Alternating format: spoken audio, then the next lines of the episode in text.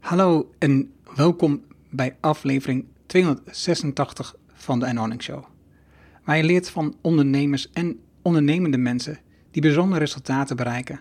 Welke beslissingen ze genomen hebben om hier te komen, wat ze doen, de strategie en hoe ze klanten krijgen. Mijn naam is Erno Hanning en ik deel mijn opgedane kennis, ervaringen en expertise met jou. Ik coach ondernemers zodat ze stap voor stap de juiste beslissing nemen om uiteindelijk een gezonde groeimotor te creëren, zodat de onderneming vanzelf loopt. Hiervoor gebruik ik mijn ervaring met meer dan duizend klanten die met exact dezelfde uitdagingen zitten. Vandaag het gesprek met Quintus Willemser. Quintus is een sociaal ondernemer met een missie. Hij wil dat iedere Europeaan mede-eigenaar kan worden van een bedrijf waar hij of zij voor werkt, klant van is, aanlevert of in investeert. Om hiermee iedere ondernemer een stabieler bedrijf met minder verloop en ziekte te geven en de maatschappij meer inclusiviteit te bieden. Zijn bedrijf heet The Share Council, a fair share for each and everyone. Tijdens dit gesprek leerde ik meer over hoe je het kunt organiseren dat je medewerkers mede-eigenaar maakt van je bedrijf. Dat was wat ik wilde weten. En dat is een lastig proces, heb ik geleerd ondertussen. En Quintus heeft hier een eenvoudige oplossing voor gemaakt, waardoor je snel de aandelen van je bedrijf kunt delen met medewerkers en of andere betrokkenen. Zelfs wanneer je een zelfstandige bent zonder personeel, kun je dit delen met je team van freelancers bijvoorbeeld. Precies wat ik wilde leren voor hoe ik dit kan organiseren met mijn bedrijf. Verbaasd was ik over dat er in de VS al veel verder is dan in Nederland, terwijl we meer Rijnlands georganiseerd zijn. Hoe dan? Veel plezier met de inzichten van Quintus. Laten we beginnen. Welkom in de Erno Hamming Show. De podcast waarin je leert over de beslissingen om te groeien als ondernemer met je bedrijf. Luister naar de persoonlijke verhalen van succesvolle ondernemers en ondernemende mensen. Dan nu jouw business coach Erno Hamming.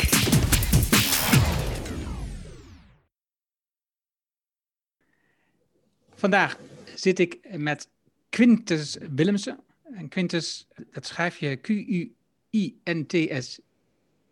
Dat is hem. En het, um, dat komt omdat de boeken die we de laatst hebben gelezen voor de boekenkaast, uh, die, die, die, gaan over een bepaald soort onderwerpen, hebben over uh, ondernemerschap, maar ook over Rijnlands model, over een andere manier van ondernemen. En een van de elementen die daar voor mij een belangrijke rol in speelt, is hoe je omgaat met het eigenaarschap van je bedrijf. Nou, en dat is waar jij mee bezig bent, Quintus. Welkom in de podcast. Dankjewel, dankjewel. Want jij hebt het bedrijf, de Share Council. En dat helpt ondernemers, eigenaren, om anders werken met het verdelen van eigenaarschap. Hoe, hoe, hoe werkt dat? Hoe zit dat? Hoe, wat doe je met je bedrijf? Ja, goede vraag. Het klopt. Wij uh, hebben als de Share Council een platform opgezet wat uh, mensen heel makkelijk mede-eigenaar kan maken van jouw bedrijf. Um, dat komt van het feit dat ik zelf een softwareontwikkelbedrijf had, heb, waarbij ik iedereen mede-eigenaar wilde maken en erachter kwam hoe eigenlijk nodeloos ingewikkeld dat is om in Nederland te kunnen doen. En ik ongeveer vijf jaar geleden ben gaan zoeken naar hoe kan ik nou heel makkelijk bijvoorbeeld mijn medewerkers mede-eigenaar maken van mijn bedrijf. En na heel wat zoektochten heb ik daar wat op gevonden. En heb ik ook gevonden dat er niemand was eigenlijk in onze samenleving die dat nou eens echt heel makkelijk maakte voor een startende ondernemer of voor een MKB-bedrijf. Er waren best wel organisaties die, eh, die, dit, die, faciliteerden voor grote multinationals of de grotere organisatie, grotere bedrijven. Maar precies in mijn positie kon ik eigenlijk niks vinden. En wat wij doen met het platform is uiteindelijk veel meer dan alleen maar medewerkers, mede-eigenaarschap uh, faciliteren. Het is het faciliteren dat iedereen mede-eigenaar kan worden van jouw bedrijf. Dat zou een investeerder kunnen zijn, dat is een vrij logische stap die je ziet. Het zou een medewerker kunnen zijn, omdat je die graag aan je wil binden en boeien, dicht bij je bedrijf wil houden. Maar het zou ook je klant kunnen zijn. Een klant die mede-eigenaar is van jouw bedrijf heeft veel meer reden om bij jou te blijven kopen, om jou te blijven supporten, om jou aan te blijven prijzen bij dienstomgeving. En dan heb je als laatste nog natuurlijk de, de, de factor leveranciers. Hoe fantastisch is het als een leverancier mede-eigenaar kan zijn van jouw bedrijf, waardoor je de binding met je leverancier zo sterk krijgt dat uh, als eerste je gewoon vooraan in de rij staat wanneer je dingen nodig hebt. Je als tweede in moeilijke tijden veel dichter bij elkaar staat om daar stabiel mee om te kunnen gaan. En als laatste om te zorgen dat je echt een ecosysteem creëert. uiteindelijk zien we dat je met ons platform een, een, een, een, ecosysteem, een community creëert van alle zogenaamde stakeholders. Iedereen die iets te maken heeft met jouw bedrijf, dat die ook mede-eigenaar zijn van jouw bedrijf. Nou, daar werken wij met een platform eh, naartoe. En waar wij naartoe werken is dat je dit allemaal gewoon met één druk op de knop makkelijk kan doen. Eén moment, is het een nies?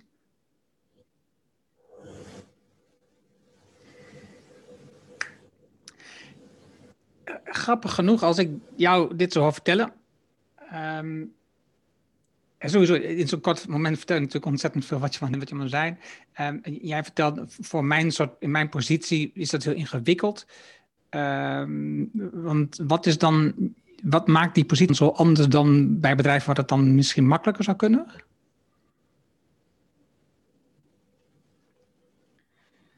Uh, je bedoelt wat het ingewikkeld maakt om medewerkersparticipatie of überhaupt participatie in het algemeen op te zetten? In, ja, in jouw, in jouw, jij had het over dat het in jouw positie lastig was. Is omdat je bedrijf te klein is of wat is dan, dan de oorzaak?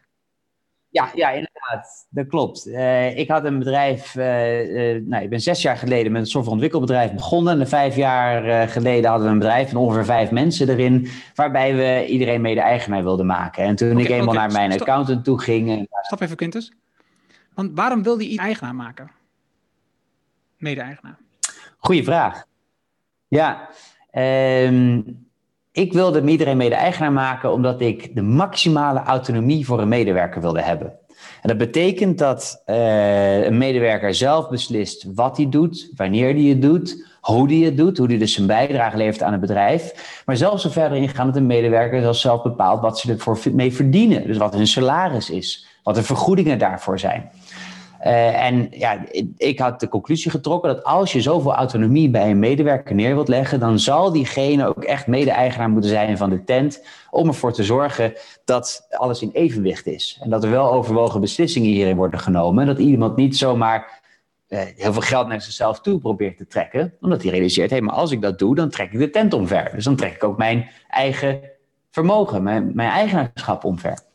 Dus daar, dat was de allereerste insteek. En die insteek was bij mij ingegeven door, uh, in ieder geval begonnen ooit, al tijdens mijn studietijd, dat ik uh, begon te lezen over uh, de man Ricardo Semler. de Braziliaan die in de jaren tachtig al met deze, dit soort ideeën begon. En daar eindeloos ver in door heeft geëxperimenteerd. En ook wel deel, een groot deel heeft bewezen dat het werkt. Um, en uh, later nog getriggerd door de interviews die uh, de VPRO tegenlicht uh, met hem heeft gedaan. En toen ik daar nog verder in ben gaan onderzoeken, kwam ik zo'n Eckhart Winsen tegen, die in de jaren negentig al begon met een cellenstructuur opzetten, waar autonomie echt binnen dat kleine celletje binnen die organisatie lag. En uiteindelijk had je een Frederik Laloux die begon te schrijven over de ontwikkeling van organisaties. Hoe maak je nou ja, hij noemt het dan TEAL-organisaties. Organisaties waarin mensen echt zelf kunnen bepalen en zelf het, het eigenaarschap kunnen nemen. Uh, hoe wij daar als samenleving naartoe trekken. En als, als laatste klap op de vuurpijl kwam ik uh, het boek van Tony Xi uh, tegen. Helaas net twee dagen geleden overleden op jonge leeftijd. Maar die met Zappels ver zijn tijd vooruit was met uh, het, eigenaarschap en de autonomie neerleggen bij de, bij de medewerkers. En ik had bedacht, als ik ooit een bedrijf start, dan op die manier.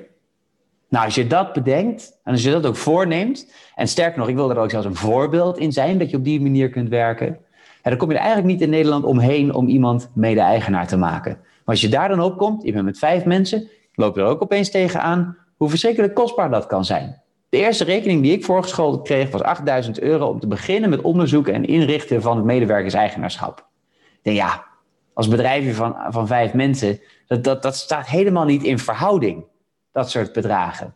Als je daarna gaat kijken hoe de Nederlandse wetgeving, de regelgeving, de fiscaliteit hiermee omgaat, dan kom je eigenlijk nog meer achter wat een, wat een ja, nodeloos bureaucratische omgeving wij in leven om dit soort dingen te kunnen opzetten. En wat je dan als laatste merkt, is dat het merendeel van ondernemers er ook gewoon niet aan begint.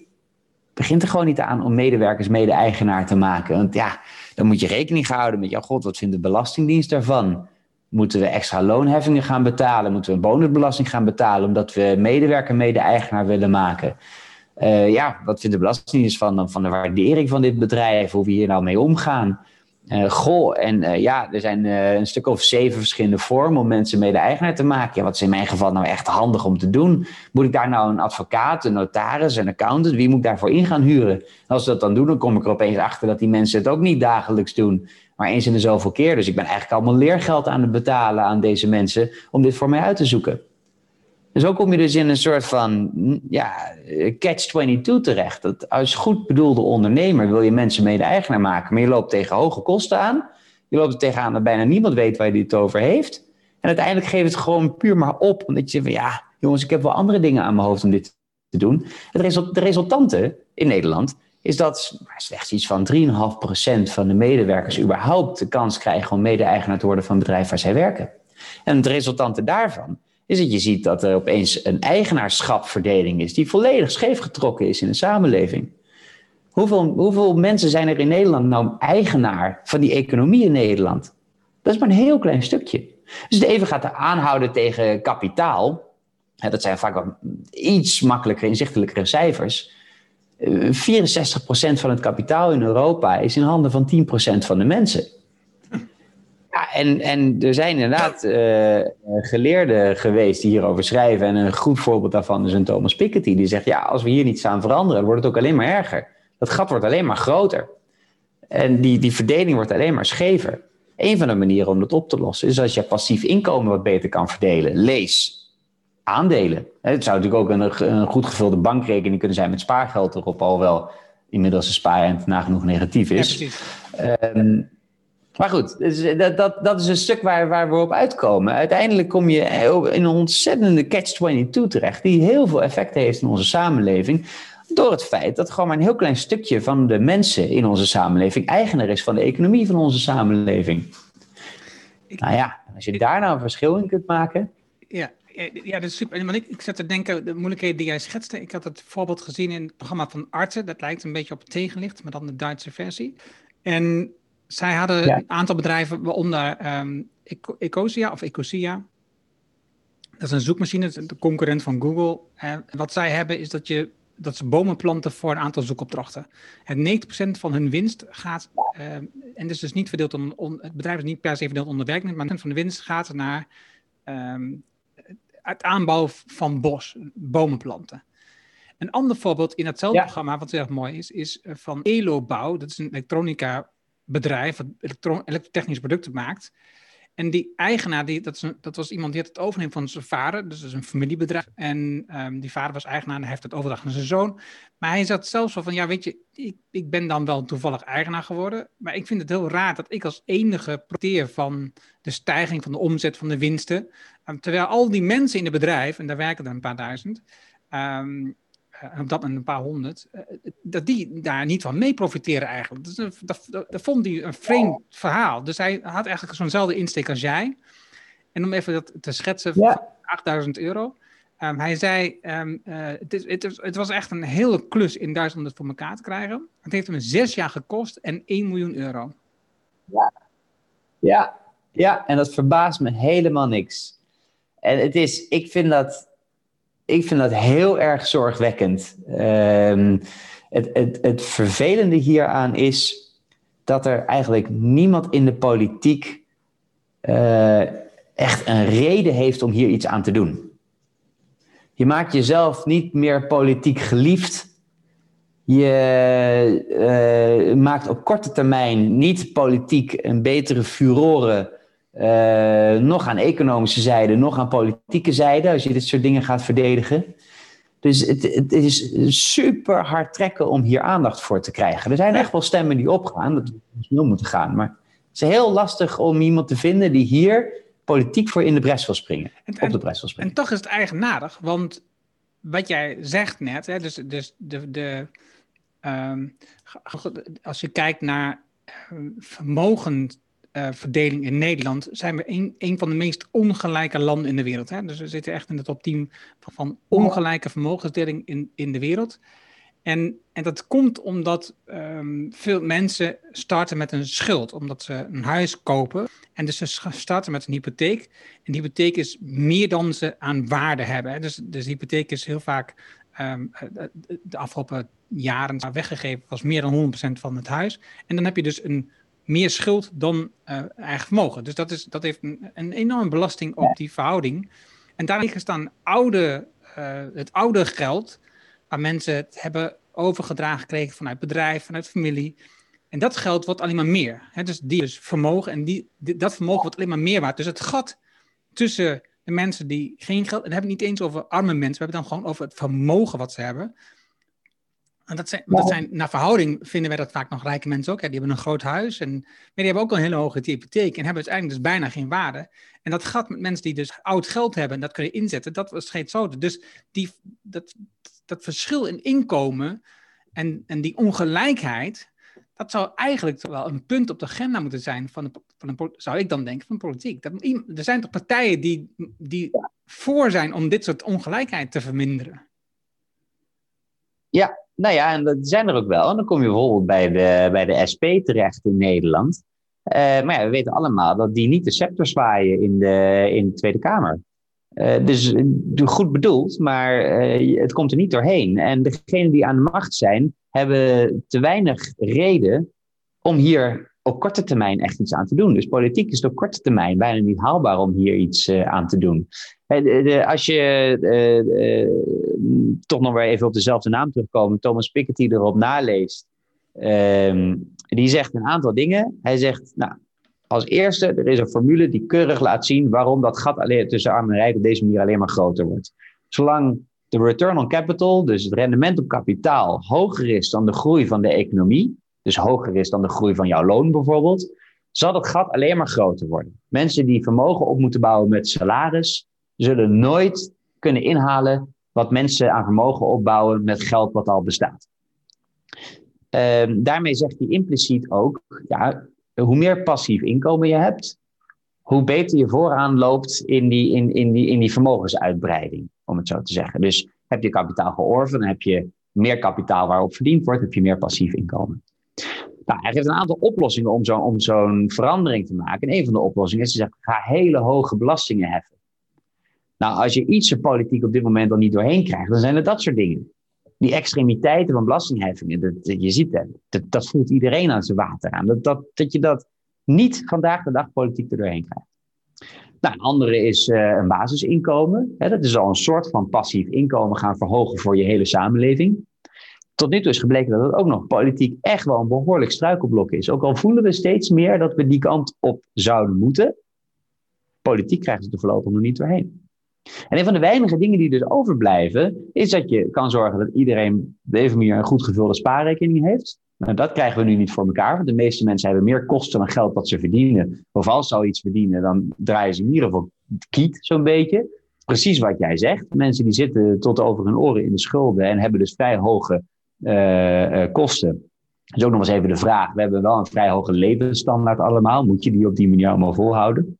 Prima, dat vind ik een goede discussie. Um, en de andere, andere punt is dat je op dat passief inkomen komt. Nou, probeer dan op zijn minst dat je mede-eigenaar bent van datgene waar jij, uh, datgene met de hoogste waarde van je leven insteekt. Dat is de tijd. Jij steekt tijd ergens in. Dat is enige, er is niks meer waard voor jou als persoon dan jouw tijd. Die steek je ergens in. Zorg dan dat je mede-eigenaar bent van de waarde die je opbouwt met jouw tijd. En ik denk dat we daar nog een heel groot verschil kunnen maken. En dat dat ook politiek wel goed uit te leggen is. Is namelijk best politiek goed uit te leggen dat als iemand mede-eigenaar is van een bedrijf, die persoon minder snel vertrekt, loyaler is daarmee, die persoon aantoonbaar uit onderzoeken blijkt, die persoon minder snel zich ziek meldt, gewoon verzuim gaat omlaag. Dus er zijn al meteen een paar opties die een bedrijf ook echt uh, direct financiële benefits, hè, financiële voordelen geven van iemand mede-eigenaar maken. En dat je daarna nog toewerkt naar een punt dat je iemand ook daadwerkelijk beloont voor iets wat zij, voor, voor, voor werk wat zij verzetten. Voor, voor, voor die, die investering die zij dagelijks doen. Dus uiteindelijk op de long run, en dat is ook nog eens aangetoond, dat je zo'n bedrijf veel stabieler wordt, veel beter tegen crisis kan. Veel beter door een, een turbulente tijd, als waar we nu weer in zitten met zo'n hele corona-uitbraak, heen komt. Dus er is politiek best wel veel verdediging te vinden in het feit dat zorgt nou dat al die medewerkers en, en klant, het liefst ook nog de klanten en leveranciers, mede-eigenaar zijn van dat bedrijf. Wat we met z'n allen als samenleving rondom dat bedrijf opbouwen. ik heb een paar, um, ja, paar, daarom kwam ik. Uh, we gaan zo verder, maar ik heb een paar vragen waar ik me al een tijdje nu uh, het hoofd over breek, nu je dit aan, aan, aan het vertellen bent. Want het, het, het klinkt natuurlijk halleluja, ja. en dat is logisch, want het is natuurlijk jouw model, jouw verhaal. Um, maar, ja. oké, okay, ik ben een medewerker en ik heb nu deel Ja. in jouw bedrijf. Eh, Het, het, het is voor Ja. een deel mijn bedrijf. Is, en ik denk is dat natuurlijk maar een klein Ja. deel van het bedrijf. Hè. Ik ga ervan uit dat nog de eigenaar het grootste deel hebben. De oprichters moet ik zeggen, niet, de eigenaar. De oprichters nog steeds het grootste deel hebben, ga ik vanuit. En, ehm, en als medewerker heb je, dan een, heb je dan een deel van het bedrijf. Ehm, nu, op een bepaald moment is het natuurlijk toch ook wel, zeker in, als je in het begin van je carrière zit, is het goed om eh, van een aantal werkgevers te veranderen. Dus de drempel om op dat moment nieuwe ervaring te doen bij een andere werkgever, die, die, die wordt hoger. Hè? Dus het is, het is weer lastiger om te vertrekken. Het- Lastig of minder aantrekkelijk. Ja. ja, minder aantrekkelijk. Ja, oké, minder aantrekkelijk. En hetzelfde geldt, dus als jij iemand ontslaat, dan ontsla je hem dus van zijn loon en moet ander werk vinden. Maar hij raakt toch gelijk zijn deel, eh, een aandeel van zijn bedrijf kwijt. En dus dat raakt een persoon dubbel. Dus, en, en als ik dan kijk naar leveranciers, die hebben dan een deel van je bedrijf. Hebben ze daar niet ook mee een deel van de macht van je bedrijf gekregen? Dat ze dus, op het moment dat ze dreigen weg te gaan, ook een deel van je bedrijf eh, wegtrekken. Dat is niet het goede woord, maar ik kan niet zo goed een beter woord vinden op dat moment. Dus, dus hoe zie je dat soort aspecten?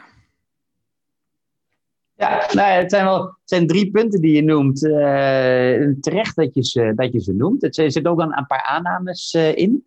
Eh, als we even afpellen. Dus beginnen we bij de, bij de eerste aanname. Van mensen die. Het zou beter voor mensen zijn om, om veel te hoppen van baan. zeker in het begin van je carrière. Daar is voor te zeggen, maar er is bijna even voor te zeggen dat dat helemaal niet per se nodig is. Ehm, eh, het, het hoppen eh, geeft sommige mensen wat meer het gevoel van vrijheid en flexibiliteit. Aan de andere kant geeft een hoop mensen ook helemaal niet de mogelijkheid om ergens gewoon echt goed in te worden. Om zich ergens echt in te kunnen leven. Ehm, een van de voornaamste redenen die ik heb gezien dat mensen hoppen, ligt niet zo per se aan het werk wat ze doen, maar ligt vaak aan de cultuur van een bedrijf zelf. Ligt vaak aan de manier waarop je en dan heb ik het vooral over grote organisaties, wordt behandeld als een nummertje binnen een organisatie. En die zeggen van ja, als toch maar dat nummertje ben, dan kan ik ook wel eens anders dat nummertje zijn. Als ik daar dan een beetje meer verdien, nou prima, dan ben ik het nummertje ergens anders waar ik wat meer voor krijg. Echter, als je op hetzelfde moment juist eigenaarschap van zo'n bedrijf kan opbouwen, meebouwt daadwerkelijk aan zo'n organisatie, dan is de kans dat je zo'n nummertje bent zo significant veel kleiner dan is de kans dat je ergens in verdiept en ergens heel erg goed in wordt, zo verschrikkelijk veel groter. Dat, dat de kans dat je daar nog even succesvol mee wordt ook, daarmee alleen maar verder vergroot. Dus om best wel voor te zeggen dat, dat hoppen, nou ja, het zou kunnen, maar het is niet per se, uh, de aanname mag niet zomaar waar zijn dat hoppen beter is. Um, een ander stuk wat ik daar nog als argument op heb, over het begin van het hoppen, uh, bij, bij Voorjaard, bij een, bij een softwareontwikkelbedrijf, is dat ook gebeurd. Er zijn ook mensen die, die weg zijn gegaan. Die zijn nog steeds eigenaar van dat bedrijf. Hmm. Wat is het mooie hier nou van? Dat die op de nieuwe plek waar zij zitten, nog steeds mij contacten. En nog steeds in contact zijn met dat bedrijf waar ze ooit aan mee hebben gebouwd. Nog steeds een klein stukje mede-eigenaar van zijn. En nog steeds hopen dat dat bedrijf slaagt. Dat dat iets wordt. Dat dat, dat, dat verder gaat. Ongeacht of zij daar nou dagelijks hun tijd in steken, of dat zij van een afstand daarop meekijken en toch nog eens hier en daar de naam laten vallen en toch nog eens hier en daar daarover spreken. Dat is een groot verschil. Dus voor mij mogen die mensen zoveel hoppen als ze willen, zolang zij mijn bedrijf meedragen en er nog steeds zelfs op afstand, zelfs als ze er niet meer voor werkzaam zijn, bijdragen aan het succes ervan, lijkt me fantastisch. Nou, dan komt het, uh, uh, kwam bij het tweede stuk. Even kijken, het derde stuk was. Um, um, Leveranciers? de leverancier. doen we eerst even de leveranciers. Nou, hoe, hoe zit het nou bij, bij leveranciers? Kun je die nou mede-eigenaar ervan maken en ze, geven ze dan niet te veel macht daarin? Natuurlijk is dat allemaal ja, binnen de perken te houden, om het zo te zeggen. Je bent zelf degene die, die, die kijkt of mensen mede-eigenaar kunnen worden en niet en voor hoeveel ze dan mede-eigenaar kunnen worden. Ehm, daarnaast is er ook nog wel eens wat voor te zeggen. Uh, als je kijkt naar uh, het Toyota-model, wat al heel lang een, bekend bedrijfsmodel is, uh, de, de, de, lean manufacturing model, waar eigenlijk bij wordt gezegd, dat die, die, die oprichter van Toyota eigenlijk, ja, maar joh, het is zoveel efficiënter om heel goed met je leveranciers samen te werken, zo nauw mogelijk, zodat je zo min mogelijk ruis op die hele leveringslijn hebt zitten. En als je dan ook nog eens kan zorgen dat er voor iedereen evenveel interesse is om die lijn helemaal goed te laten lopen, dan komt het alleen maar ten goede van jouw bedrijf. Als een, als een leverancier dan weg wil gaan, nou ja, dan zullen daar waarschijnlijk bepaalde terechte redenen voor zijn. Daar zul je afspraken voor hebben gemaakt hoe dat dan gaat in dat eigenaarschap. En daarnaast is er ook nog evenveel voor te zeggen. Zelfde reden als ik daarnet gaf bij zo'n medewerker die gaat hoppen en nog steeds mede-eigenaar is. Je zou ook kunnen zeggen, nou hou alsjeblieft het mede-eigenaarschap. Want als dat jou toch nog op de een of andere manier interesse geeft in onze organisatie, om ons een stukje verder te helpen met het netwerk wat jij hebt en de mensen die je tegenkomt, dank je wel. Graag doe dat zo. En eh, ik, ik zit wat dat betreft op de preekstoel. Zorg dat iedereen om je heen mede-eigenaar is van jouw bedrijf. Want hoeveel beter is het om zoveel monden te hebben die er baat bij hebben dat jouw bedrijf floreert. Dan zul je waarschijnlijk ook zien dat een bedrijf veel beter kan meegaan bewegen met de ontwikkelingen van de maatschappij. En een bedrijf zal mee moeten blijven veranderen. Ja. Als je, kijkt naar, even een, een voorbeeld, hè, leverancier trekt het is gewoon één van, één van de stakeholders die vertrekt. En die heeft 2% van je bedrijf. Zeg maar even wat, hè? Ja. En, um, en dat vertegenwoordigt een bepaalde uh, economische financiële waarde. Dus op dat moment ja. zul jij, als ik, als, uh, ik, ik doe aannames dus, en, en ik vraag het aan jou voor duidelijkheid nu, moet je dus die persoon, dat bedrijf, moet je dus die waarde betalen. Toch? Ja, Uitkopen. Ja. En als je dat geld dan niet hebt, hoe doe je dat dan? Nou, heb je, heb je natuurlijk heel, een legio een oplossing voor. Dit is nog het laatste stuk. Tussen ja, je drie punten die je aanstipte. En de tweede punt was inderdaad van ja, wat als iemand vertrekt en die en, en, en uh, ja, er zit een bepaalde waarde in, moet dat, dan, moet dat dan afgerekend worden ook nog. En dat is het punt waar je hier ook mee naartoe komt. Um, we doen niks nieuws. Dat is misschien wel het eerste wat wel even goed is om aan te geven. Uh, aandelenhandel uh, gebeurt nu 200 jaar. En uh, het mensen laten participeren in je bedrijf gebeurt eigenlijk ook al 200 jaar. Um, maar zeker in de vormen die we nu kennen, zijn we al een goede 40 jaar onderweg met medewerkers, leveranciers en klanten mede-eigenaar maken van je, van je bedrijf. Nou, in de afgelopen 40, misschien wel 50 jaar, zijn natuurlijk ook al allerlei vormen verzonnen van wat gebeurt er nou op zo'n moment. 2% van je bedrijf moet je gaan terugkopen of wil je gaan terugkopen. Want niks is verplicht natuurlijk. Nee, als je het geld niet hebt, zijn er een aantal opties. Je kan het niet doen. Dat is optie nummer 1.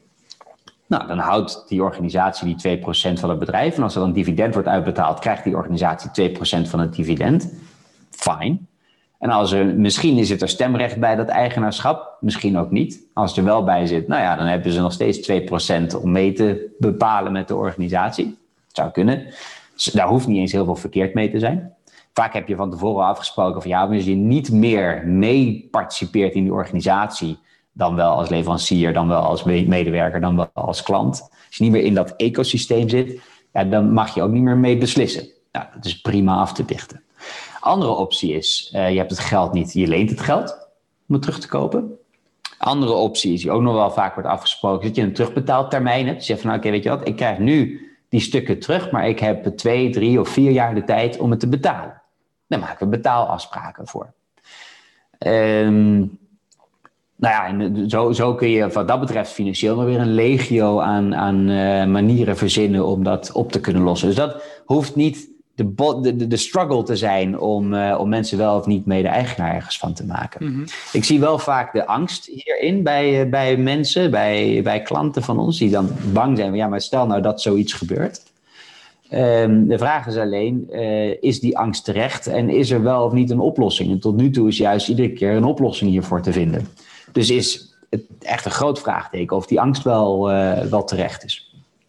Ja, maar ik vraag het bewust, dat ik denk dat het vooral heeft te maken met onbekendheid. Dus als je dus niet bekend bent en dus ook niet bekend met de oplossingen die er zijn, um, ja, dan, is, dan heb je die angst. Dus als jij de oplossing uit, dan wordt die angst dus minder. Um, hoe is het dan bijvoorbeeld geregeld uh, bij, bij, bij Voorjaard, bij jouw bedrijf, um, met de verdeling, als je dat wilt toelichten, uh, van de eigenschappen? Hoeveel, hoeveel zit nog bij de oprichters en wat hebben dan de medewerkers gemiddeld? Bij voorjaar is uh, begin gekozen om 5% beschikbaar te stellen voor de medewerkers. En ik ben wel groot uh, uh, voorstander van. er wordt gewoon. Aandelen worden gekocht. Er wordt gewoon op afgerekend. Dus niks is een gift. volgens de Belastingdienst kan dat ook niet. De Belastingdienst zegt ja, iets geven bestaat niet. Alles is een koop en verkoop. Um, dus bij ons kwam 5% van het bedrijf beschikbaar voor de medewerkers. Dat was gewaardeerd. En voor dat geld konden medewerkers zich inkopen. Dan wel via een spaarplan vanuit het loon. Dan wel via een bonus die ze misschien verdiend hadden op, op de een of andere manier. Um, dus allerlei manieren van betalen daarvoor waren, waren gevonden. Om het ook voor iedereen bereikbaar te maken. En iedereen mogelijk te maken. Uh, dus nou, dan kom je op zo'n punt. Hè, dan heb je ongeveer 5% van het bedrijf dus verkocht aan die, uh, aan die medewerkers. En daar komt natuurlijk continu een soort roulatie in, want mensen mogen onderling verhandelen. Sommige mensen zijn vertrokken en die wilden heel graag het terugverkopen. Uh, en dat konden we ook. Sommige mensen zijn vertrokken en die hadden grotere delen en dat konden we helemaal niet terugkopen, omdat het bedrijf zoveel meer, meer waard was geworden. maar die vonden dat ook niet erg. Die zeiden nou prima, dan houden we dat ook nog. Tot het moment komt dat we wel een keertje kunnen, kunnen verkopen. Het interessante daarin is dat je dat dus ook ziet gebeuren. Dat je in de toekomst op een gegeven moment weer op een punt komt. En oh ja, maar nu kunnen we het wel terugkopen. Of nu is er iemand anders die dat graag wil kopen. En zien we dat daarin uh, gebeuren. Dus, maar om kort je, antwoord, uh, je vraag te beantwoorden. Ongeveer 5% dat bij de medewerkers ligt bij zo'n bedrijf. En je ziet daar wel verschillen in. Je ziet ook het bedrijf voor kiezen 10% of zelfs al 20% of zelfs al meer.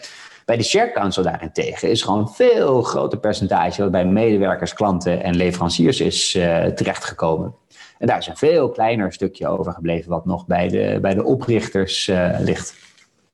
En dat is ook omdat het systeem natuurlijk zo is ingericht. We willen dat iedereen mede-eigenaar wordt. Bij Share Council hebben we al meer dan 120 mede-eigenaren die we in de laatste paar maanden hebben opgebouwd. Het is verschrikkelijk snel gegaan. Uh, wat ik fantastisch vind, dat betekent dat we echt eigendom worden van de gemeenschap om ons heen die iets te maken heeft met ons bedrijf. Kan dat dan oneindig doorgaan dan? Wordt dan, wordt dan de aandeel die je hebt, is het vergelijkend aandeel, als, als je naar de beurs hebt die, die meer aandeel wil uitgeven, dat dan dus gewoon het aandeel wordt gesplitst bijvoorbeeld of zoiets? Is dat dan zo'n soort constructie wat je krijgt? Ja, ja, in principe kun je natuurlijk eindeloos doorgaan met, uh, met aandelen. Kun je zoveel mensen mede-eigenaar maken als, het je, als dat je zou willen. Uh, daarbij is natuurlijk wel het gevolg dat de, uiteindelijk wat die aandelen waard zijn, is de waarde van het bedrijf verdeeld over de beschikbare aandelen. Um, oh, ik zal eventjes wachten. Er staat iemand in de keuken. Hoorde jij dat geritsel op de achtergrond? Ja, heel duidelijk, hè? Ja, dat hoorde ik, ja. Ja. Ik zal even wachten tot jij... Heb jij je spullen gepakt? Ja, ik moet even wat smeren. Ja, nee, tuurlijk. Go for it. Als je verder dat zakje niet gebruikt, maar dat broodje gewoon pakt, dan. Uh... Dat zakje ook. Maar... Oh ja. Yes. Perfect. Um, dus. Nee. Uh, nee, dus kun je oneindig doorgaan met eigenaarschap van het bedrijf? Ja, in principe wel. Dus, dus uiteindelijk heb je dus de waarde van je bedrijf verdeeld over het aantal aandelen dat geeft de waarde van een aandeel. Dus hoe meer aandelen er komen, uh, in principe hoe hoger de waarde van je bedrijf ook zou moeten zijn, om een beetje die, die, die verdeling goed uh, daarin te houden. En dat zie je bij ons ook gebeuren. Met de groei van ons bedrijf, met de groei van de waarde van ons bedrijf, zie je ook dat er nieuwe aandelen bijkomen, die uit worden gegeven aan nieuwe mensen die toetreden. En omdat wij heel veel aandelen hebben, uh, op dit moment zijn er 20 miljoen in omloop. We kunnen doorgroeien tot minimaal, of tot, tot in ieder geval 1 miljard. Uh, omdat het zo verschrikkelijk veel zijn, blijft die waarde heel erg laag. En zal dus ook altijd iedereen mee kunnen doen. Op dit moment kun je voor 13 cent kun je een aandeel van de Share Council kopen. Ja, dat is wel grappig, ja. Ja. Ik zat er aan het uh, model wat nu visie heeft gebruikt, wat ze nu mee bezig zijn. Zij, uh, dus het, is niet, gaat, gaat om een soort. Het, lijkt op participatie, maar niet helemaal. Dus je krijgt geen aandeelbedrijf, maar je, kunt, je gaat voor een tijd lang huur, uh, leen je, je geld aan je bedrijf. En daarvoor krijg je een redelijk percentage. Zeker als je dat vergelijkt met de bank op dit moment. We hebben een. Um, hoe heet dat? Um, Obligaties. Ja, fundraising, obligaties. Ze hebben, dus, ze, hebben dus het plan om volgend jaar 50 mensen aan te nemen. Daar hebben ze geld voor om dat te organiseren. En, en daarvoor zoeken ze uh, een bepaald bedrag. Ik weet niet meer precies wat het was. Vijf ton of zo. En, en, en daarvoor zoeken ze alle mensen die dus een bepaald bedrag aan hun leent. Tegen een tarief van 5% op jaarbasis. En dus, dat, dat lijkt er natuurlijk een beetje op dat je voor een bepaalde tijd voel je je mede verantwoordelijk voor het succes van zo'n bedrijf als visie. En dat, dat, ja, dat heeft natuurlijk wel iets. Het heeft heel veel. Het heeft, er zijn natuurlijk heel veel vormen waarmee je kan bijdragen in eigenaarschap van een organisatie. En het kan zijn dat je er geld aan leent en dat je daar een, een, een rendement op haalt. En dat rendement haal je alleen maar als het bedrijf ook succesvol loopt. als visie uh, verlies maakt, zullen ze ook minder uh, makkelijk dat rendement kunnen betalen. Misschien wel helemaal niet. Um, dus je bent ook echt bij, gebaat dat dat bedrijf floreert, dat dat goed gaat. Uh, daarnaast heb je natuurlijk de vorm van uh, uh, veel in start-up land gebruikt opties.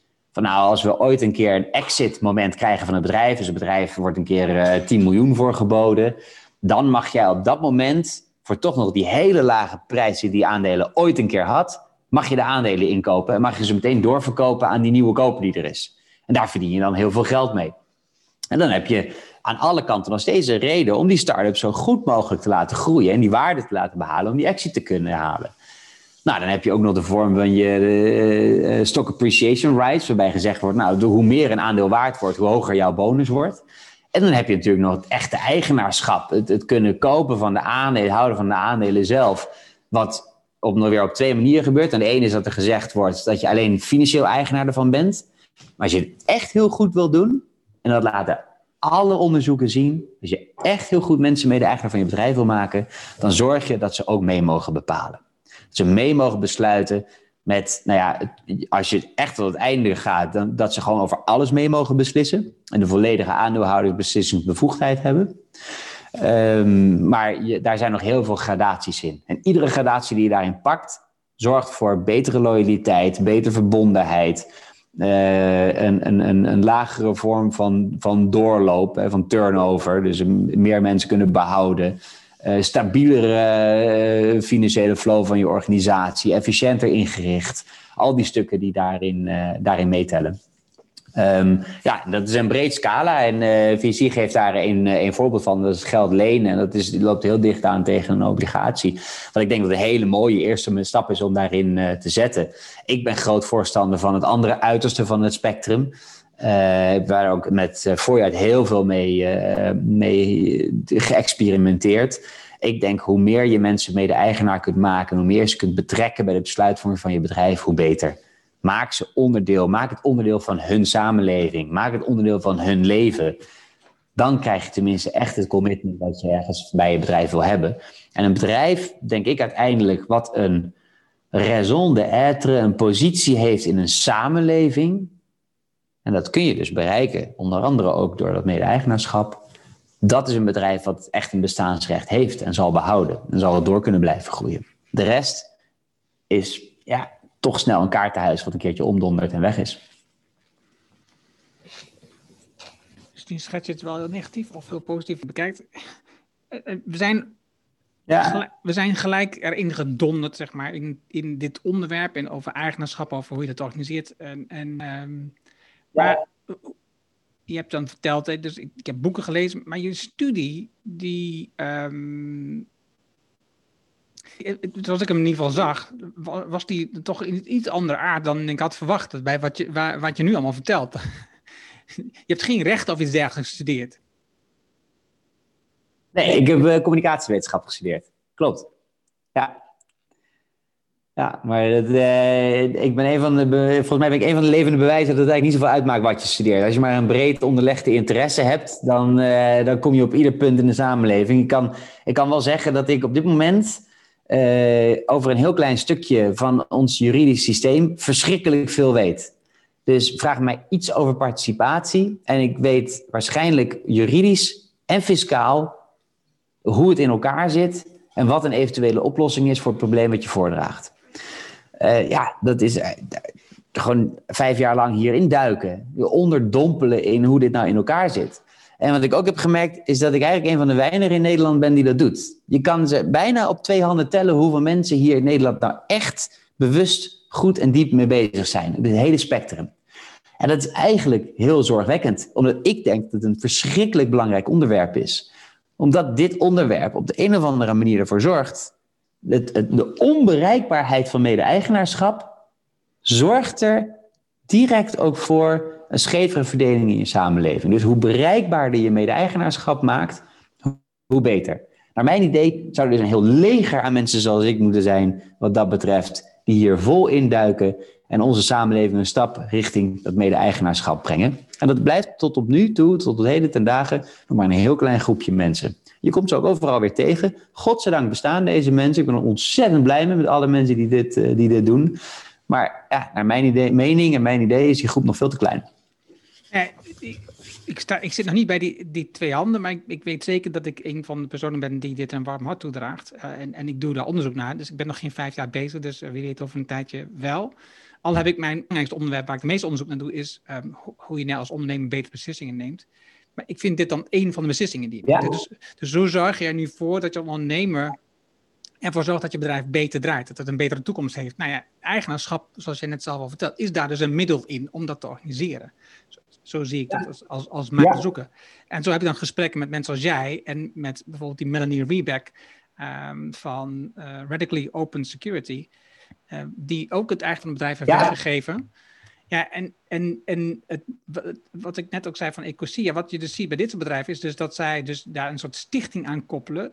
En dus de, de ja. zegnaarschap gaat dan naar die stichting voor een deel. En zij worden gewoon eigenlijk tussen aanhalingstekens gewoon. Ze worden medewerker van het bedrijf. Ze zijn het nog zien, maar ze worden eigenlijk eh, gezien als een soort medewerker voor de rest. En um, de stichting um, heeft, speelt dan een bepaalde rol in besluitvorming, maar ook in het afschermen van het opkopen van het bedrijf bijvoorbeeld. En ook in de uitkering van de winsten spelen ze een rol. Dus zij maken het ook in ja. hun statuten leggen ze vast dat um, ja, dat niet zomaar een partij kan komen die het bedrijf opkoopt en dat dan weer verkoopt aan de hoogste bieder of aan een andere partij die er uit elkaar trekt of wat dan ook. Nee, zij gewoon dat de, het goede van het bedrijf, dus de oorspronkelijke missie van het bedrijf, dat dat blijft bestaan en dat dat, dat het blijft doorgaan, ook al is founder, de oprichter van het bedrijf, ook al is die vertrokken, ook al staat die buiten spel, dat dat gewoon blijft bestaan. En dat trekt mij ook zo enorm aan in dit spel, is dat je nadenkt over hoe kan jouw bedrijf met de intentie die je als oprichter hebt gehad ooit om het op te richten, dat je iets wilt veranderen in de samenleving, hoe kan dat blijven bestaan als jij niet rol speelt als eigenaar? Ja, nou, dit is een hele goede en waar je naar refereert is, uh, neem ik aan, het steward ownership model. Uh, in ieder geval, zo wordt het veel uh, benoemd. Het is precies het model wat jij zegt, waarbij over het algemeen een stichting een, een, of eigenaar is van een bedrijf, of op zijn minst een zogenaamd golden share heeft in een, in een bedrijf, wat te allen tijden het doel van de organisatie beschermt.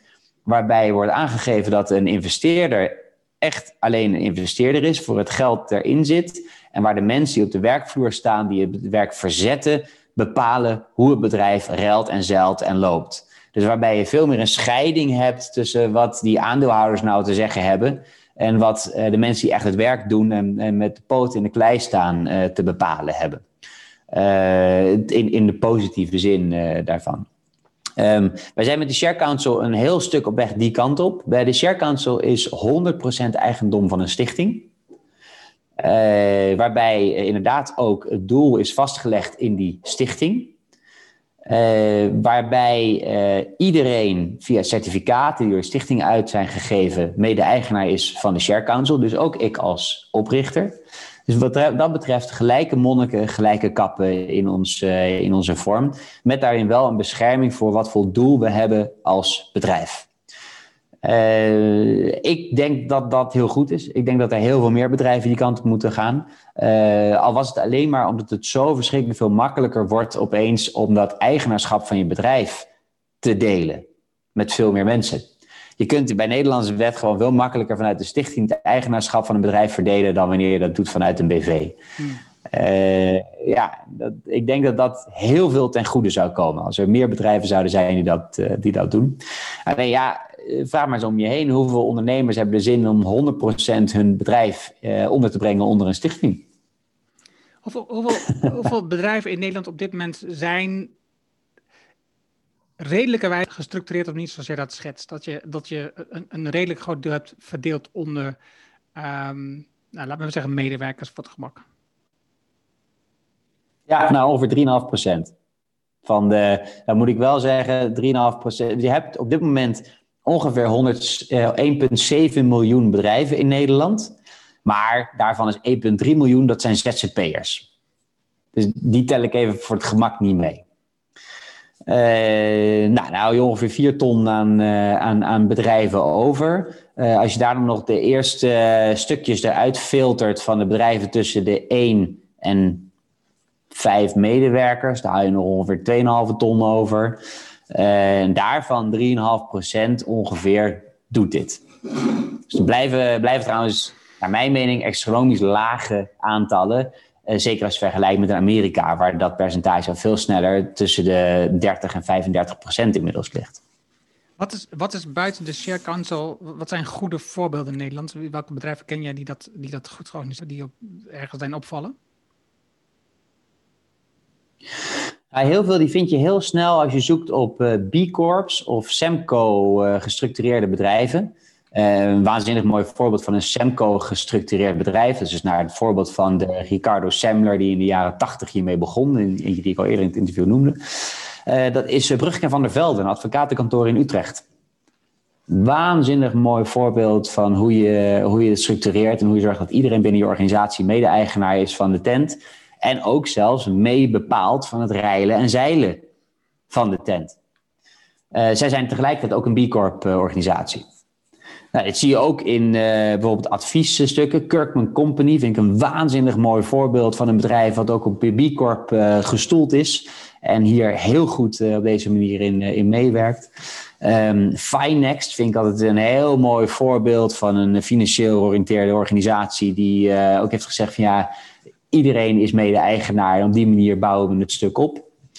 Um, een, bedrijf waar ik veel, eh, zeker in het begin van, van mijn eigen bedrijf, veel in contact mee ben geweest, is Incentro. Die vind ik dat het heel mooi organiseren hoe je iedereen mede-eigenaar hebt en houdt van de organisatie. En zelfs een, een focus hebt op het bedrijf achterlaten bij je medewerkers. Dus uiteindelijk als oprichter uit kunnen stappen en dat 100% het eigendom van je bedrijf bij je medewerkers ligt.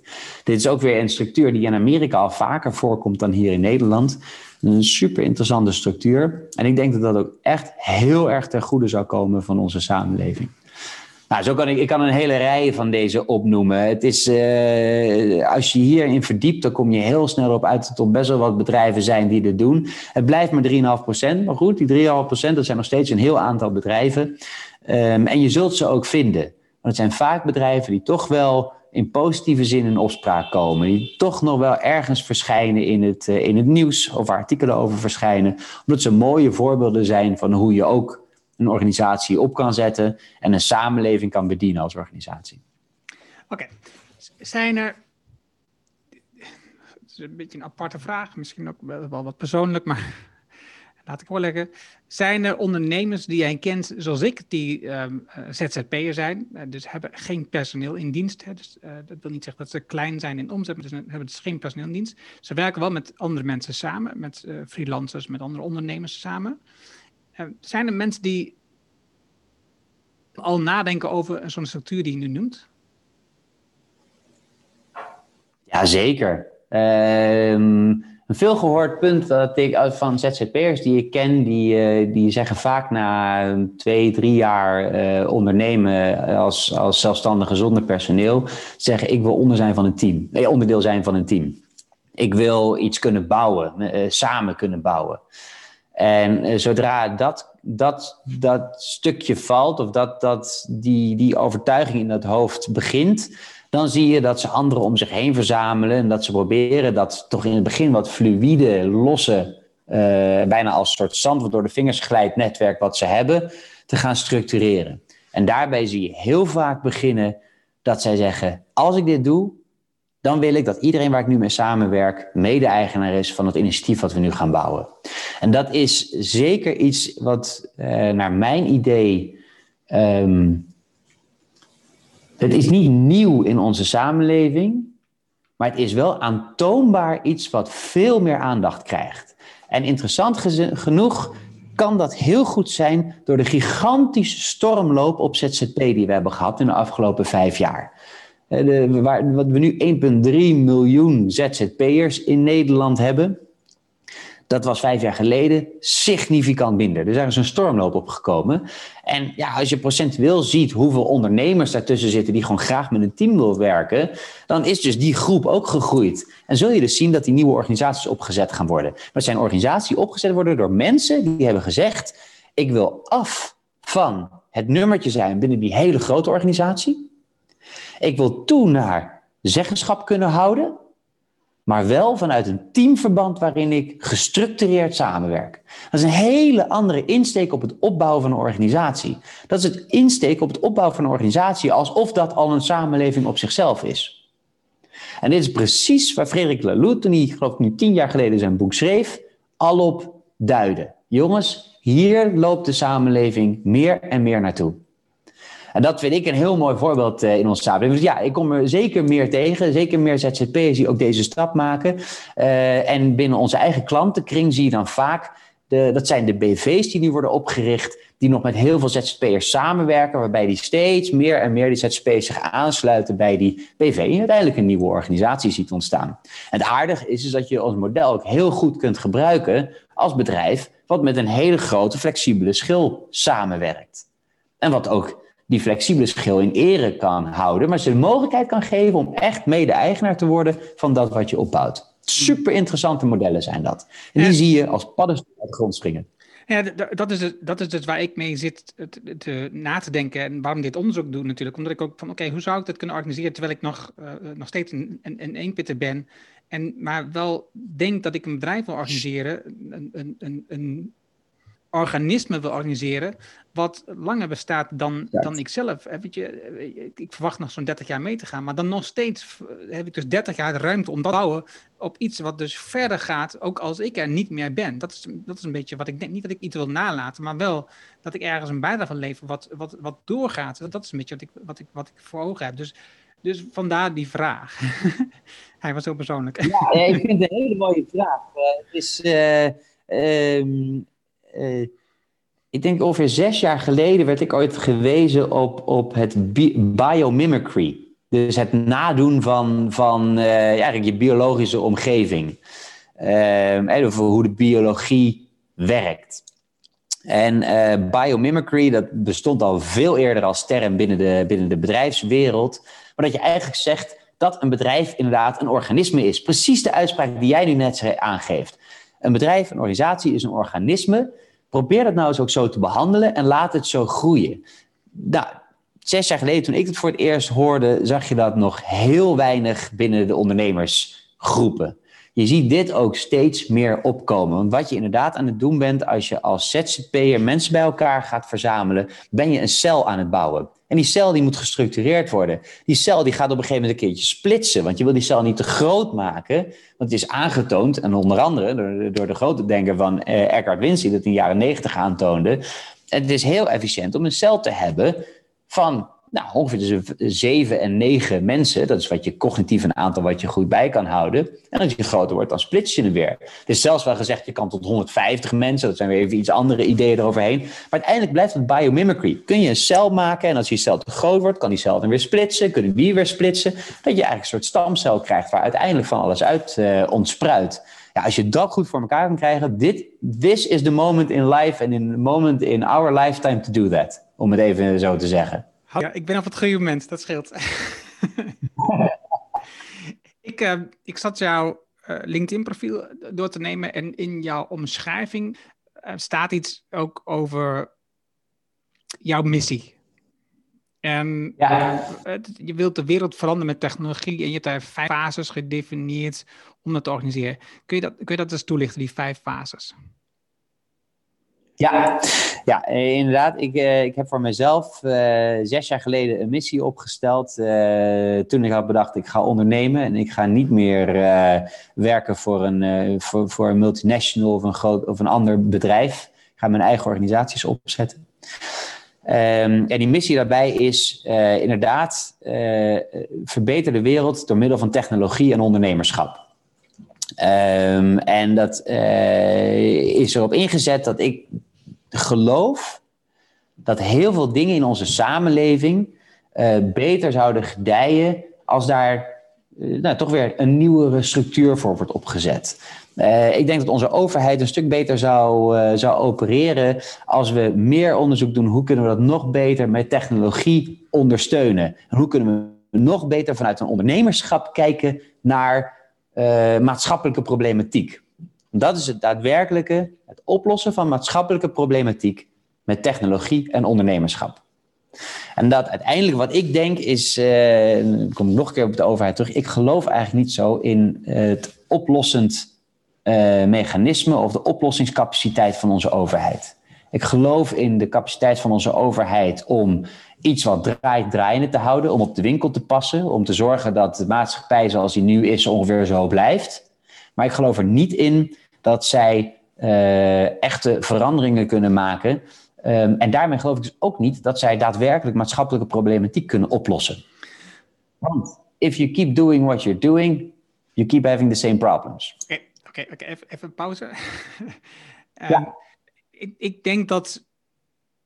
Dat is, dat is natuurlijk een gevoel wat we veel hebben, dat dat, dat, dat zo is. Terwijl. Ehm, eh, ik, heb recent het boek van Mariana Mazzucato gelezen, ehm, Everything, eh, The Value of Everything. Eh, de waarde van alles in een Nederlandse boek. En daarin zie je, da- dan wordt dat beeld wat ik had ook wat gestuurd.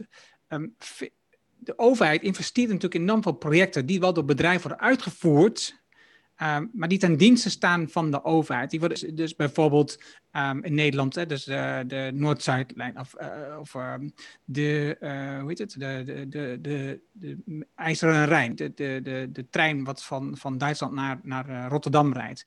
Eh, de Westerschelde. De- Er zijn natuurlijk heel veel grote projecten die enorm veel impact hebben op ehm, de maatschappij, hoe we draaien, waar bedrijven ook gebruik van maken. En als je bijvoorbeeld kijkt, Marianne Matschaat legt in haar vorige boek ook uit over, het, dus het app enorm prat op hoe ehm, vindingrijk ze zijn, hoe, hoe slim ze zijn. Maar de meeste technologieën die in de iPhone zitten, die zijn ooit bedacht met gelden van dan wel voor het leger, dan wel voor ehm, dan wel door onderwijs. Hè, dus bij, bij indicatietrajecten vanuit uh, universiteiten en dat soort dingen.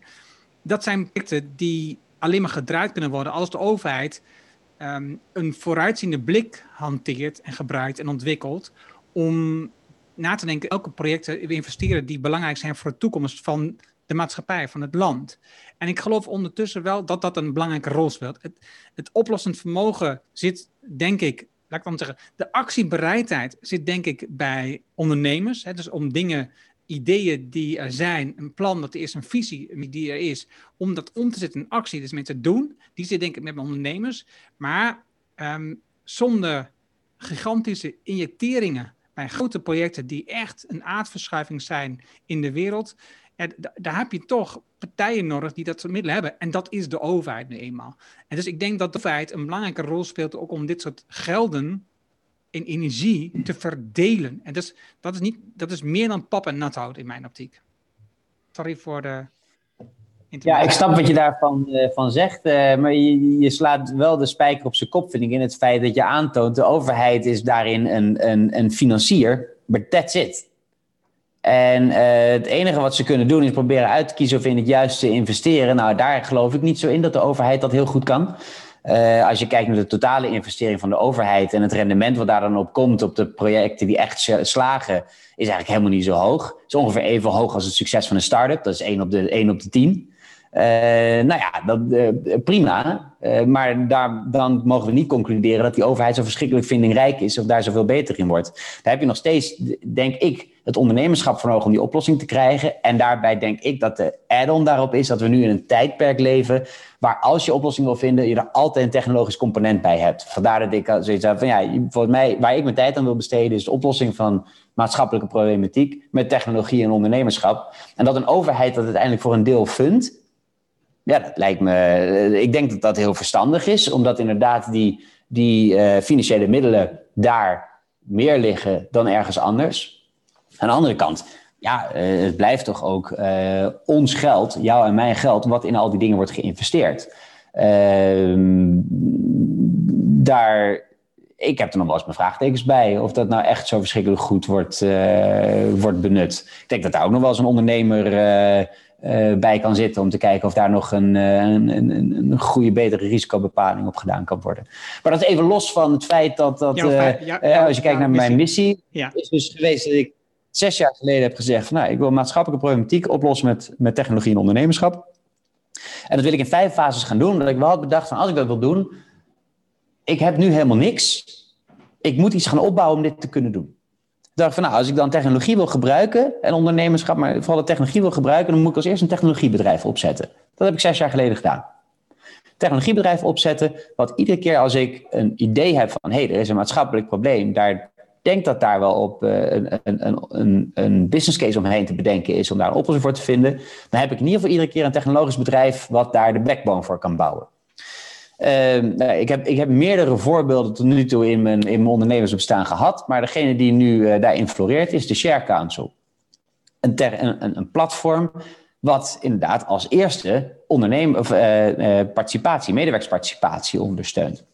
Dus als eerste wilde ik een technologie, technologieplatform of een technologiebedrijf opzetten. wat iedere keer een nieuw idee wat er komt, kan ondersteunen met een technological background tweede wat ik daarin wilde gaan doen, is gaan laten, laten zien dat je die business case hierin kan waarmaken. Dat je, als je een maatschappelijk probleem pakt, dat je een business case kan hebben om dat maatschappelijk probleem op te lossen. Want ik geloof er wel in dat als je ergens een business case voor hebt, dat het dan ook zichzelf kan onderhouden. Ook als die ondernemer niet meer is. En net liet je het ook al een paar keer vallen. Ja, want, hè, je zou graag eigenlijk het doel van de organisatie vast willen leggen, dat ook als die, als die originele oprichter er niet meer is. Ik geloof heilig in het model dat ideeën zweven in de lucht. En eens in zoveel tijd wordt een idee op meerdere plekken tegelijkertijd uit de lucht gepakt. En, en er is een keertje een succes mee dat dat een goed bedrijf is. Ik denk dat je uh, zoveel mogelijk ideeën continu uit de lucht moet pakken en daar business cases van moet maken. Uh, en het liefst doen zoveel mogelijk mensen dat tegelijkertijd. Dan heb je namelijk weer een goede spreiding die de overheid kan doen in het investeren in al die, uh, al die ideeën. Uiteindelijk had ik er ook een component bij, of heb ik er ook een component bij. Ik laten zien dat hoe meer autonomie je geeft aan een medewerker, en dat is echt wel een, een, een rode draad door mijn ondernemersbestaan, hoe meer autonomie je geeft aan een medewerker, hoe hoger de creativiteit wordt, hoe groter de kans is dat die persoon iets doet wat ze leuk vinden, dat ze er goed in zijn, hoe groter de kans dat het een positieve invloed heeft. Dat punt probeer ik in een van die vijf stappen ook te laten zien van dit werkt. Als je een bedrijf op die manier opzet, dat werkt. Dat is, dan krijg je een organisme wat kan groeien uit zichzelf.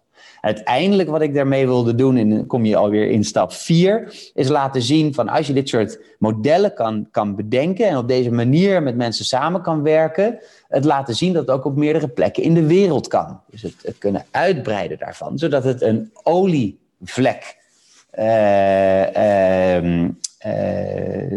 positie krijgt.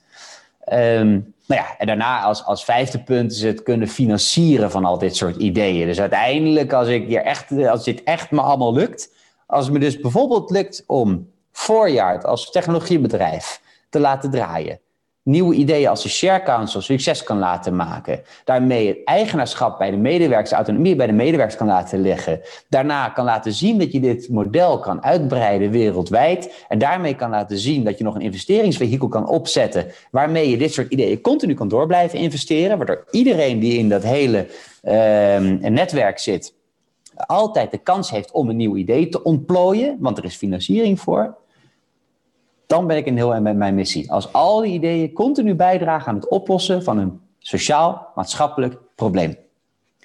Nou ja, dat, uh, dat is de missie die ik daarin heb. Ik heb misschien als, laatste toevoeging eraan waarom ik het op die manier doe, uh, is dat ik zes jaar geleden in de spiegel heb gekeken en gedacht: als je bent geboren op de plek waar ik ben geboren en een opleiding hebt gehad die ik heb gehad en opgegroeid bent op de plek waar je bent opgegroeid en de ouders hebt gehad die je hebt gehad en de kansen hebt die je hebt gekregen, ik moet wel heel veel rare dingen doen, wil ik het volledig voor mezelf verneuken. Laat ik dan alsjeblieft de tijd die ik nog over heb gebruiken om eens te kijken of ik nog een verandering kan brengen in de wereld, want niet iedereen krijgt diezelfde kans in diezelfde positie. En even stil. Ehm, ik sluit hem ook af gewoon nu. Dit is gewoon een mooi einde. Ehm, ja, dat meen ik serieus. Dit is een- eh, ik, ik, ik had nog een heleboel vragen. En ehm, Ja. die, die zou, die zou dit tekort doen. En ehm, ik, ik heb nog twee vragen voor je. Dat is, waar kunnen mensen Ja. jou het beste bereiken? Hoe kunnen ze met jou in contact komen als ze hier meer willen weten? Eh, LinkedIn, e-mail of bellen. Quintus, Q-U-I-N-T-U-S, Willem zonder N, eh, met dubbel L. En ehm, als, als jij...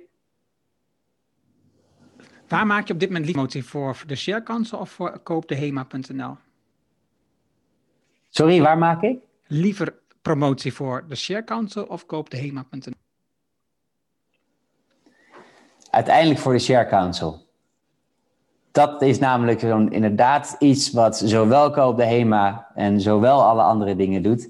Ehm, eh, ik geloof erin dat als een model als dit, waar we nu in zo'n korte tijd al zoveel mede-eigenaren op hebben, als we een model als dit groot kunnen maken, dat we niet alleen met z'n allen mede-eigenaar kunnen worden van de HEMA. Want alsjeblieft, kijk inderdaad op koopdehema.nl. Maar dat we ook mensen mede-eigenaar kunnen maken van al die andere bedrijven die we hier om ons heen hebben. En dat we echt inclusief met z'n allen mede-eigenaar kunnen zijn van onze economie. En als dat laatste punt daar nog even op. Onze economie is ongeveer 750 miljard aan omzet per jaar, aan bruto binnenlands product per jaar. 450 miljard daarvan zit in het MKB. We nou eens met z'n allen mede-eigenaar daarvan kunnen zijn. Wat een verschil kunnen we dan maken? Quintus, super dankjewel voor jouw inzichten, voor mijn nieuwe ideeën die je hebt aangereikt, voor meer helderheid bij mij. Het, het is me een eer om te mogen hebben spreken. En, en, en, dat meen ik nu serieus, want dit gaat groot worden. Dus dan heb ik nu met jou gesproken in deze beginfase waarin de wereld verandert. En ik vind het mooi om daar, eh, dat jij daar een bijdrage aan levert. Dankjewel. Dankjewel Erno, dankjewel. En Dankjewel voor de goede vragen hierbij. Dankjewel dat je me de kans wilde geven om dit eh, verhaal nog eens een keer over de bühne te brengen. Of in ieder geval naar voren te brengen. Eh, het, doet me ontzettend goed dat er, eh, dat, dat, er een luisterend oor naar is. En eh, ik ben heel blij dat, dat we de kans krijgen op deze manier om meer mensen hiermee eh, te bereiken. Dus ontzettend dank voor je tijd en je energie hierin. Dat was het mooie gesprek met Quintus. Je vindt de namen en de links die we noemen in het artikel dat bij deze uitzending hoort. Ga daarvoor naar ernohanning.nl slash show 286. Wil je vanzelf de volgende afleveringen op jouw telefoon? Dat kan. Heb je een iPhone, daar zit er namelijk standaard de Apple Podcast app op. Open die app, zoek op de Ernohanning Show en klik op abonneer. Heb je een Android telefoon, kan ook heel eenvoudig. Installeer dan bijvoorbeeld de Player FM app. Zoek daar de Erhanning Show op en klik op abonneer. Dankjewel hiervoor. Heb je vragen, opmerkingen, reacties over deze podcastaflevering met Quintus of over de podcast in het algemeen? Stuur dan een e-mail naar podcast.ernohanning.nl Dan weet ik dat het voor de podcast is.